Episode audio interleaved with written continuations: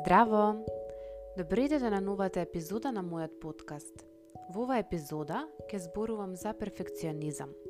Како перфекционизмот всушност на ваков или онаков начин постојано се испреплетува во нашиот живот и е можеби главниот кривец зошто многу пати ние сме неуспешни, односно работите не ги завршуваме.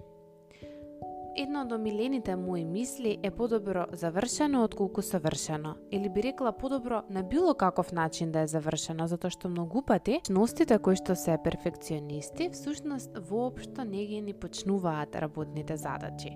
Па така тие стануваат и мрзеливи или пак одат во една крајност на анксиозни.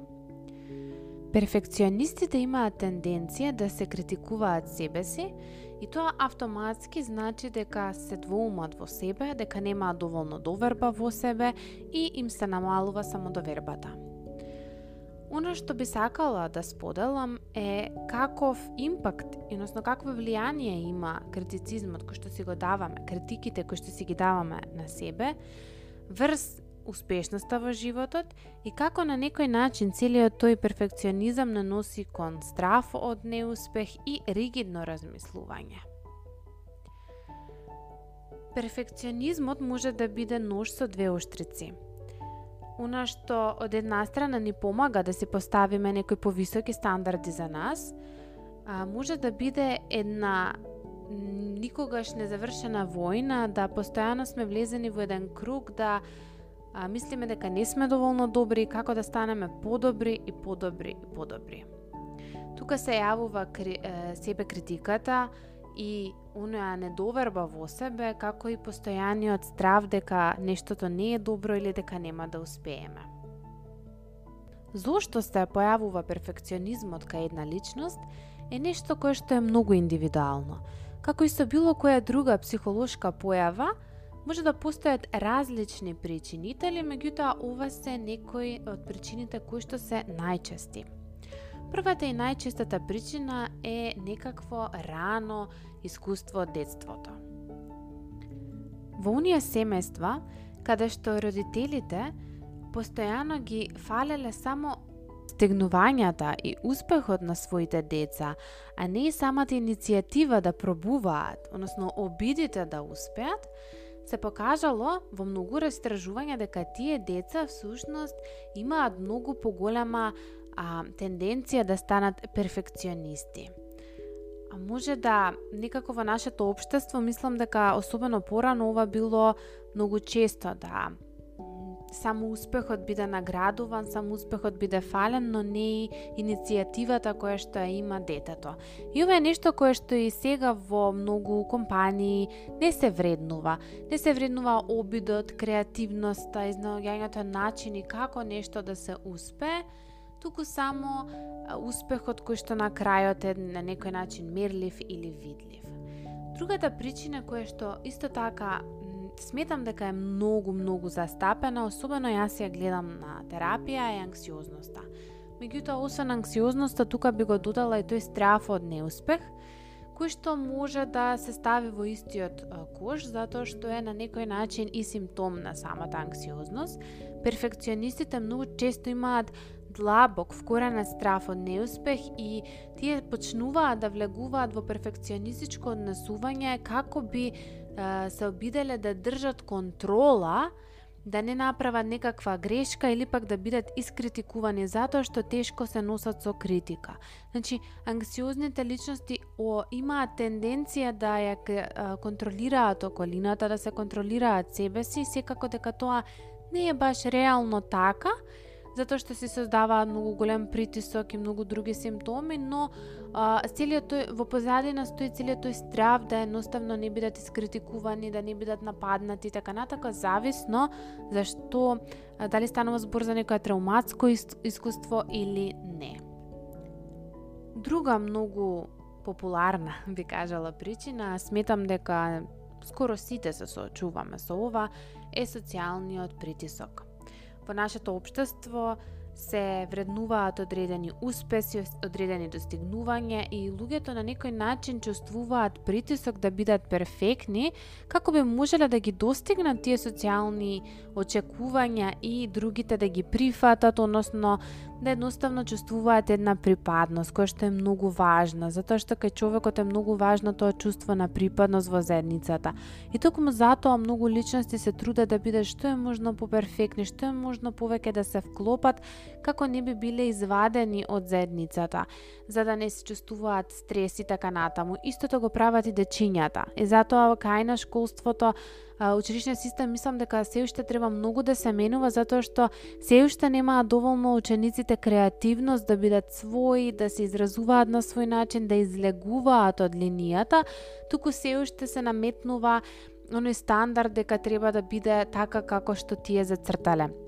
Јас многу често а, велам дека може би после родителите, може би понекогаш сте и поважни учителите затоа што поминуваат дефинитивно многу повеќе време со а, децата отколку родителот. Понекогаш премногу се става акцент на родителот што секако е вистина, но во однос на креативноста зборувам конкретно затоа што во, учил, во училиште децата се по 6-7 часа зависно нели од возраста и реалноста е дека токму професорите и наставниците, учителите се оние личности кои што можат да им дозволат на креативен начин да творат, да го истражуваат светот, да дознаваат за светот. Не можам да заборавам а, кога бев прва година а, средно пишувавме и тоа многу често го спомнам, пишувавме писмена работа по македонски јазик, јас многу убаво пишував како дете.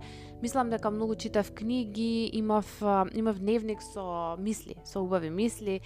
А, и тоа е нешто што продолжило во текот на мојот живот, еве не никогаш не згаснало, дури и на Инстаграм постојано ги споделувам тие мисли и во самата писмена работа имав споделено две мисли, од кои што едната беше јапонска поговорка, другата не знам. Веројатно некој познат автор, може би било од Пауло Коелјо, тој ми беше умилен. Ете во основно, па ова било прва средна. И не можам да заборавам дека професорката по македонски јазик ја имаше подцртано, ќе кажам точно, ја памтам поговорката, иднината не постои, неја треба ние да ја создадеме. Значи, не можам да го најдам тој текст, ако го најдам некаде и некогаш ќе го сликам. Многу ми е интересно и баш би сакала да ја прашам сега од возрастна гледна точка таа професорка што мислила, таа ми ја подцрта и ми рече ова 5 минус или 4 плюс, нешто така беше, не фаќате за збор. Прекрасен беше текстот, ден денес мислам дека ако э, ако го најдам ќе го напишам, э, се уште го памтам која беше поентата дека младината э, како треба да се однесува, дека иднината не е нешто кое што реално постои туку во овој момент тука и сега ја градиме. Значи јас од тогаш ми имала ете некој таков да кажам порив за за поинаков личен раст и развој и таа ме погледна и ми рече ама Елена ова е абстрактно нешто, не може иднината да не постои, иднината постои. Јас секако ја разбрав дека нели иднината е нешто друго, но ми беше интересно како ам, јас не кажав дека станува збор за јапонска поговорка а, и тоа таа поговорка имавме во учебникот по осмо отделение. Сега ми текнува од каде ја земав. А туку само останав, гледав и си реков добро, значи од сега натаму јас кај оваа професорка ќе морам да пишувам нешто кое што е многу конкретно, нешто кое што нема абстрактни делови, Сега, како психолог, може би би рекла дека професорката во тој момент имала проблем со панични напади, со некоја неизина анксиозност, па тие некако неопипливи, нели поимови, поимови биле тешки, но памтам како ми е скратила креативноста затоа што сум морала да се вклопам, инаку немало да имам петка.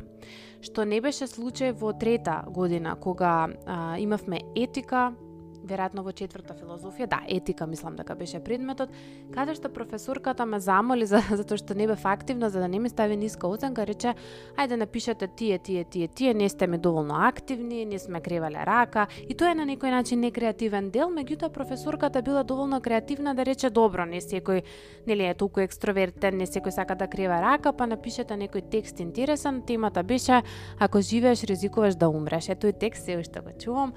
И јас напишав текст, многу сакав да пишувам, меѓутоа бидејќи самата тема што ни ја даде беше малку абстрактна, беше доста филозофска и нешто што ми лежи за душа, А, таа професорка напротив ме поттикна дури по неколку пати да го прочитам текстот, мислам дека два пати го прочитав на часот, затоа што беше воодушевена. И многу сум срекна што таа сум ја сретнала професорка, бидејќи на тој начин таа ми поттикнала да не сум веќе перфекционист според општеството, туку да можам да се опуштам и да пишувам онака како што јас сакам за да можам да творам. И зошто ви ја споделувам оваа приказна? Затоа што верувам дека во вашиот живот во овој момент може да ви текнат најмалку 10 вакви, еве не мора 10 да се, затоа што многу често ги потиснуваме, но најмалку две а, слични вакви моменти, искуства во животот, каде што некој, не мора да значи професор, меѓутоа некој близок ви ја потиснал креативноста и ви наметнал одреден стандард, дека треба вака и вака да се направи нештото како би било добро. И Сигурна сум дека имало некоја друга личност или ако немала друга личност, може би сте ја виделе на филм, може би сте слушнале за таа личност како јас сега што ви споделувам оваа моја професорка по етика. Која што ви отворила простор да бидете креативни и да не сте постојано под некој стрес од обштеството и од тоа што некаде сте го а, научиле, туку да си дозволите да ја отворите вашата а, креативност и слобода. Знам дека правевме тест за креативност во прва година на факултет и јас не знев, не знаевме како изгледа тестот, меѓутоа тие што излегоа од линијата имаа многу повисока креативност а, не секој ќе се потруди да излезе од линијата, имаше нели многу креативни кои што беа внатре во линијата, но поентата за да се опуштиме од тој перфекционизам е понекогаш да се потикнеме, да се подтурнеме да сме надвор од некаква си стандарди кои што некој ги наметнува. Зошто? Затоа што социјалните стандарди не ни постојат. Значи, ние мислиме дека се тие стандарди. Првата професорка што ја споменав, имала нек, си некакви стандарди според незините професори, незината учителка, незиниот професор, домашна ситуација во која што било интелектуалниот а, капацитет во моментот кој што го имала емоционалниот капацитет, затоа што не знам што се случувало во моментот во незиниот живот, била тогаш млада, не знам, мислам дека имаше мало бебе, може била и ненаспана и уморна и анксиозна и не го разбрала, не го прочитала со внимание текстот, нели? Има многу причини. Тоа не било стандард, тоа било во тој момент некаков се стандард кој што јас сум мислела дека е. И така правиме во животот многу често. Мислиме дека постојат одредени стандарди и покрај тоа што тие се менуваат. И јас секогаш викам, немојте да ги слушате постојано експертите, немојте ни мене да ме слушате слепо. Секогаш проверувајте со себе и проверувајте што е она што вам ви одговара. Особено ова важи и во мајчинството Не може експерт да ја каже на мајката на колку минути да го дои бебето, а бебето сака да цица порано. Јас сметам дури дека добриот експерт ќе рече па давај му тогаш кога сака. Односно, нели, тогаш кога ќе видиш дека има потреба и така натаму. И ќе се согласат, верувам дека советници за доење а, многу често знае доктор некој или некој е, квази експерт би рекла да рече вака и вака на толку и толку часа, значи ние не можеме да бидеме како војници во толку и толку ова, во толку и толку ова, во толку и толку ова. Самиот тој начин на толку ригидно размислување, на таков перфекционизам нас не вади од природата. Значи во рете да имаш рутина, во рете да има правила, правилата носат слобода, меѓутоа Дел од таа слобода значи да си има опуштеност и некоја рамка која што ти дава простор да се опуштиш и да не си толку многу анксиозен. Друг, друго нешто кое што може да биде причина за перфекционизам е всушност и генетиката, Меѓутоа јас би рекла дека ова не е генетика, дека само не сум генетичар, може некој генетичар тука да ми помогне дали е пронеден некој ваков ген, затоа што доста се зборува за тоа, но мене мислам дека ова се пренесува со однесувањето, односно со воспитувањето. Значи ако кирката ја гледа мајката која што е перфекционист, мајката ја гледала бабата која што е перфекционист, значи трансгенерацијски перфекционизмот да се пренесува или пак може да станува збор за траума на некое некое значи старо однесување трауматско кое што исто така може трансгенерацијски да се пренесува и анксиозност. Кога перфекционизмот станува како заштитен одбрамен механизам, тогаш знаеме дека во позадина стои некоја траума и дека најчесто ова е поврзано и со анксиозноста што ја зборував, личноста стравува да не биде одбиена или пак критикувана. Меѓутоа повторно ќе ќе кажам дека е важно да знаете дека секој си има индивидуално уникатно искуство зошто станал перфекционист и секој знае на скалата на перфекционизмот до каде е. Но доколку премногу во одредени периоди ви, ви тежи перфекционизмот, тогаш убаво е да разгледате од каде доаѓа ова. Дали од некое предходно искуство и некој вас ставил во шаблон, односно сте биле казнети, а, сте биле оценети со помала оценка, сте биле а, искритикувани, сте биле одбиени и така натака. Дали станува збор за некоја поголема травматско искуство, па ете има и некои пострашни настани што може би се случиле, може да сте биле истепани, бру... не, секакви семејства постојат и тоа е во ред, но убаво е да знаете. Јас сум видела, леле ве молам ако сте мајка и го правите ова веднаш да престанете, имам многу често го имам видено најмалку 10 пати, каде што детето пишува и не пишува убаво, значи не е ни возможно на 7, 8, 9 години. Јас не пишувам убаво, нема доктор што пишува убаво. Значи толку е небитен ракописот во животот. А, детето пишува и не напиша убаво, мајката го зема листот, го кине од ратката и го го фрла. Не е ни таа мајка виновна, затоа што таа мајка сигурно исто тој го правеле и сигурно и таа е самата перфекционист и анксиозна, но ако го правите ова, ве молам престанете, затоа што тоа е, е тоа е веќе травматско искуство за едно дете, каде што буквално, значи, секе му биде фрлено во, во канта и испокинато само за да нештото биде совршено. Тука се гасне имагинацијата, креативноста, опуштеноста, љубовта кон пишувањето и понатаму кон инината. И секако дека постојат порезилиентни дечиња кои што ова нема толку многу да им смета. Еве јас сум била сметам дека многу резилиентна, мене не ми сметаше професорката по македонски тоа што го направи. Ја разбрав како сака да и се пишува, пишува, сите ми беа петки, многу ме сакаше, јас многу ја сакав професор, јас и уште имам многу високо мислење за неа, меѓутоа она што другиот момент е дека на друго место не сум пишувала така, значи кога дошла таа поетика, јас повторно сум си пишувала на мојот начин. Јас имам поинаков стил на пишување и сакам и си го сакам, но Тоа не значи дека другите ќе бидат толку резилиентни. Јас сепак сум била трето дете, сум имала некоја поинакво искуство, ќе се согласат, мислам дека вторите, третите деца дека имаат малку повеќе искуство. Првите деца имаат најголем стрес, тие грешат и не знаат што да прават. Првите деца најтешко си поминуваат најчесто во животот, па ако сте прво, јас верувам дека би било многу потешко.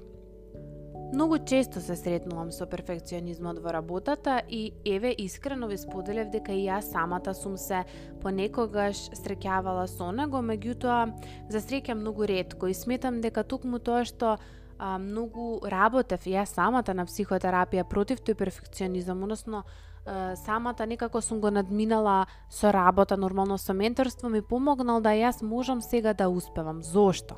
Затоа што кај перфекционистите е нај а, да кажам трагичното нешто што го имаате затоа што тие својата себе вредност ја врзуваат со високото постигнување. И тие себе си си се наградуваат во животот само доколку имаат нели а, високи постигнувања и не се сметаат доволно вредни доколку тоа не е така. Дури се имаат проблем перфекционистите да си се прифатат себе си такви какви што се. Дури кога се гледаат во огледало, имајки тенденција да бидат перфектни, да и нивното тело биде перфектно, тие имаат проблем да се прифатат и да се засакаат такви какви што се. И затоа сметам дека ова е тема многу важна, меѓутоа и многу обширна, затоа што ако почнав од некој академски перфекционизам, сега одиме на телесен перфекционизам, а истото го има во сите сфери во животот. Има многу луѓе што воопшто не почнуваат ништо да прават затоа што се длабоко во себе свесни дека тоа е нешто кое што е недостижно. Перфекционизмот може на многу начини да се појави во нашиот живот, може да биде од самите нереалистични очекувања кои што си ги имаме за себе си или пак постојаното чувство дека ние не правиме или не сме доволно добри можеме наеднаш да станеме премногу критични или пак да се фокусираме постојано на нашите грешки наместо на нашите достигнувања. И ова е оној момент кога наеднаш почнуваме и да прокрастинираме, и да имаме проблем да носиме одлуки, затоа што совршениот избор не знаеме кој е и се плашиме дека ќе направиме таа грешка.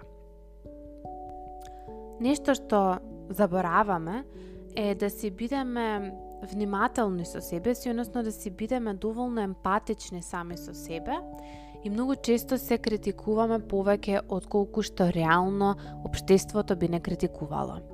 Една од стратегиите која што може да помогне да се надмине перфекционизмот е да практикуваме сочувство со себе си и да си покажеме малку љубозност и добрина себе си како што тоа би го направиле за нашето дете, за некое друго мало дете или пак за наш пријател.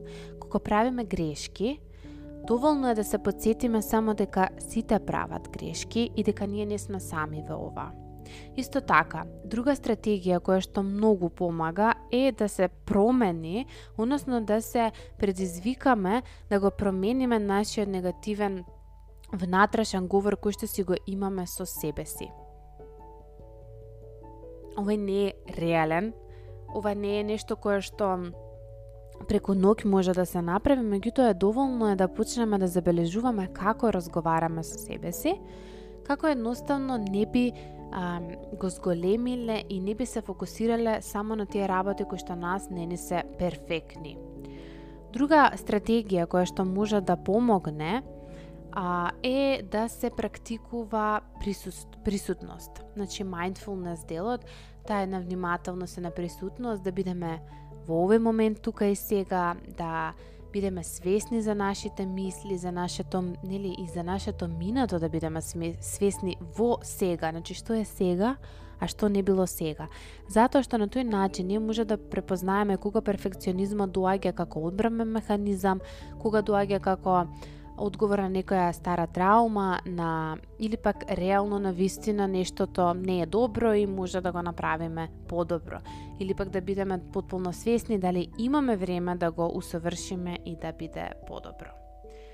Друго, јас би кажала дека е доста важно да си го признаеме тоа дека сме несовршени, да признаеме дека другите се несовршени и дури и да гледаме малку во себе и во другите, како би сватиле дека не постои нешто кое што е совршено, не постои нешто што е перфектно, не постои нешто кое што а, реално нема никаква грешка. Ние многу често знаеме да идеализираме, да гледаме на социјалните мрежи, да гледаме фотошопирани слики, да гледаме одредени агли, добро осветлување и така натаму, а да не сме свесни дека едноставно станува збор за еден миг и дека всушност она што ние може би го гледаме како совршено е само една здрава самодоверба кај другата личност да биде видена, да се пројави, без притоа да се труди да биде совршена. Не можам да заборавам, има една многу убава а, порака, вика совршено е кога немаш веќе што да извадиш. Значи, всушност совршенството е во што помалку во минимализмот, а не во тоа само да додаваме, да додаваме, да, да, да буквално да се преплавиме од е, нови и нови работи кои што ги ставаме како би биле доволно добри или како нештото би било доволно добро. И ова дури и во графичкиот дизајн веројатно би било така дека совршено е кога веќе нема што да се извади. Нешто друго кое што е многу важно и кое што би сакала да го споделам е дека многу често луѓето имаат ригиден патерн на размислување, па така да размислуваат се или ништо, црно и бело, а, и или е совршено или е никакво. И ова мислам дека може да се појави кај личности во одреден период од животот или пак кај некој едноставно да е малку понагласано. Забораваме дека животот има многу бои и дека нема неуспех и совршенство, туку некако се е во една градација, се може да си има одредени оценки и дека не мора сите да бидеме а, десетки или петки, можеме да бидеме двојки, тројки, четворки и така натаму. И овој начин на ригидно размислување е нешто кое што многу знае да одземе а, задоволство во животот и многу знае да го нагласи перфекционизмот, што значи само а, бидете внимателни дали кога нешто правите, ја гледате само лошата страна или пак само добрата страна или сте свесни и за доброто и за лошото. Што значи ако напишете еден текст, дали го гледате само тоа кое што не е доволно добро, само граматичките пример грешки или не знам, значи само некои зборови и така натаму или пак гледате а, форма, гледате и содржина, гледате а, што тоа ви донело и така натаму. Ова е многу важно како би се надминал перфекционизмот и сметам дека и најважниот критериум за да се надмине перфекционизмот е токму ова, промена на ригиното размислување. Значи јас го правам овој подкаст, овој подкаст не е совршен. Многу пати ќе слушнете воздишка, многу пати ќе го сгрешам зборот, многу пати ќе заборавам мисла и така натаму, затоа што не ги пишувам текстовите, туку едноставно седам и зборувам. Меѓутоа, ако јас тргнам да го правам совршен, нема никогаш да биде завршен и ќе треба пиши, бриши, па врати се, па застани, па избриши ова што сум кажала, па треснав глупост тука, па кажав жаргонско нешто и така натаму, а ќе заборавам дека можеби на крајот на оваа епизода еден човек да се освестил и да сум помогнала е подобро од нели ништо, односно не одам на тоа дека ако јас имам неколку грешки ова е ништо, туку сакам да ја гледам вредноста затоа што во 30 минути јас сум кажала многу, нешто што некој може би ќе му треба многу време да го прочита, многу време да го најде и така натаму, а во 30 минути на некој може да му промениш живот. Е сега, постојат секако дека постојат многу ам, тактики за перфекционизмот. Јас ќе споделам нешто кое што мене, односно ќе споделам една книга која што мене ми го мене ми го променила животот и сметам дека многу малку книги а, може да го направат тоа. Јас не знам, имам прочитано премногу, премногу книги а, и стручна литература, меѓутоа еве и одличен раст и развој, но оваа книга кога ја прочитав, за мене беше конкретно за перфекционизмот. Значи, беше а, вау момент и сметам дека доколку сакате малку повеќе да дзирнете во ранливоста, во а, тоа што го имаме ние како луѓе во нашите imperfections, да кажам, не знам, неперфектни, веројатно би било на македонски работи, ви ја препорачам The Gifts of Imperfection од Брене Браун. Лично Брене Браун ми е една од омилените авторки за кога станува збор за книги. Daring Greatly беше првата книга која што ја прочитав од неа и исто така многу, многу ми помогна, меѓутоа таа може би не толку за перфекционизам колку The Gifts of Imperfection не ја имам најдено на македонски. Ако некој сака да ја добие во PDF, нека ми пише, затоа што мислам дека ја имам и ќе му ја пратам на мейл. А, ако ја најде во, во тврда а, со тврда корица би било супер, меѓутоа Брене Браун дефинитивно многу многу ми помогнала. Така што на секој кој што се бори со перфекционизам и кој што сака да излезе од ова, кој што сака малку да некако гледа во срамот, гледа во стравот, гледа во ранливоста која што ја имаме сите како луѓе, ја препорачувам дефинитивно оваа книга да ја прочита и мислам дека може многу да помогне. Некои други работи за крај кои што би ги споделила за перфекционизмот се тоа да поставуваме реалистични цели, Наместо да се трудиме да си поставиме многу високи стандарди кои што не можеме да ги постигнеме, би рекла да се поставуваат реалистични цели. Имате епизода за, за ова на мојот подкаст. А ова е нешто кое што ќе помогне да не се преплавиме и да не се обезхрабриме. Понатаму, друга, да кажам, препорака е да се практикува себе прифаќање, односно да научиме како да се прифатиме такви какви што сме, со сите доблести и мани. Исто така да, да некако да не заборавиме дека не значи дека ако е перфектно е необходно или дека не е вредно од нашето време или за нашето достигнување. Понекогаш достигнувањата всушност сме се токму неперфектни и во тие неперфектни а, работи стои многу љубов и многу големо прифаќање. Всушност, ние се плашиме луѓето да признаеме какви сме, а кога ќе се отвориме за нашата ранливост, кога ќе се отвориме со нашата приказна, за нашите стравови, за нашите мисли, другите дури и многу повеќе може да, до, да односно, ние можеме многу повеќе да допреме до другите, затоа што и тие конечно се чувствуваат охрабрени да зборуваат за себе и за тоа што се случува внатре во нив. Понатаму, друга препорака е да се фокусирате на процесот, а не само на она кое што е резултат. Затоа што кога се работи кон одредена цел, поентата е да се фокусираме на процесот, а не само на целта која што се остварила или, или не. затоа што ова е она кое што ни помага да си ги цениме и малите чекори и прогресот што сме го направиле, како би чувствувале задоволство и понатаму мотив да продолжиме.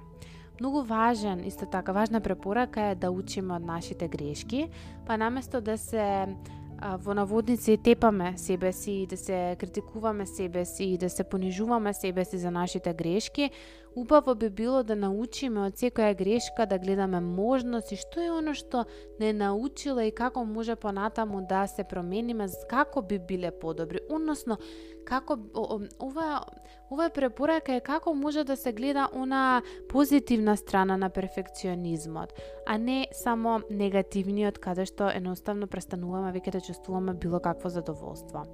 Исто така би рекла да ја предизвикуват да се предизвикате себе си он внатрешен критичар кој што го имате, затоа што перфекционизмот најчесто силата ја зема токму од тој внатрешен критичар кој што си го имате или тој глас во вашата глава кој што ви кажува дека не сте доволно добри. И мислам дека доколку се пронајдовте тука време е да а, се спротиставите малку и да разговарате малку повеќе со тој глас како би можеле да а, го промените или стишите И секако, може би најважниот, најважната препорака е да практикувате добра грижа за себе, затоа што кога ние се грижиме добро за себе физички, емоционално и ментално, тоа е оно кое што ни помага да изградиме подобра резилиентност и подобро да се носиме, односно да се, справ, да се справуваме со стресот и со стресните настани во нашиот живот. Значи, ова може да значи добар сон, добра исхрана, а, добро физичко здравје во смисло движење или вежбање редовно, активности кои што се во природа и кои што носат радост и релаксација. И секако не заборавајте дека да се надмине перфекционизмот е процес, може да е, бара време, може да треба многу а, може да треба многу и некако да се посветите како би можеле да си ги трансформирате, да ги промените овие патерни, овие шаблони на размислување и однесување кои што ниту сте ги стекнале преку ног, ниту пак ќе ги раскинете преку ног, така што бидете трпеливи со себе си, продолжете со мали чекори, како би можеле да постигнете едно себе прифаќање и раст и развој. И повторно за крај само ќе ве подсетам да бидете трпеливи, да бидете нежни со себе и да не заборавите дека ако не сте спремни тука и сега да менувате, да нека да си запишете што сте виделе, што сте освестиле и потоа кога ќе бидете подготвени да влезете во една промена, во една трансформација, да го направите тоа. Уште еднаш за крај, книгата од Брене Браун на сите ви ја препорачувам и мислам дека може многу, многу да ви помогне. Ви благодарам што останавте до крај на оваа епизода, се слушаме во наредната.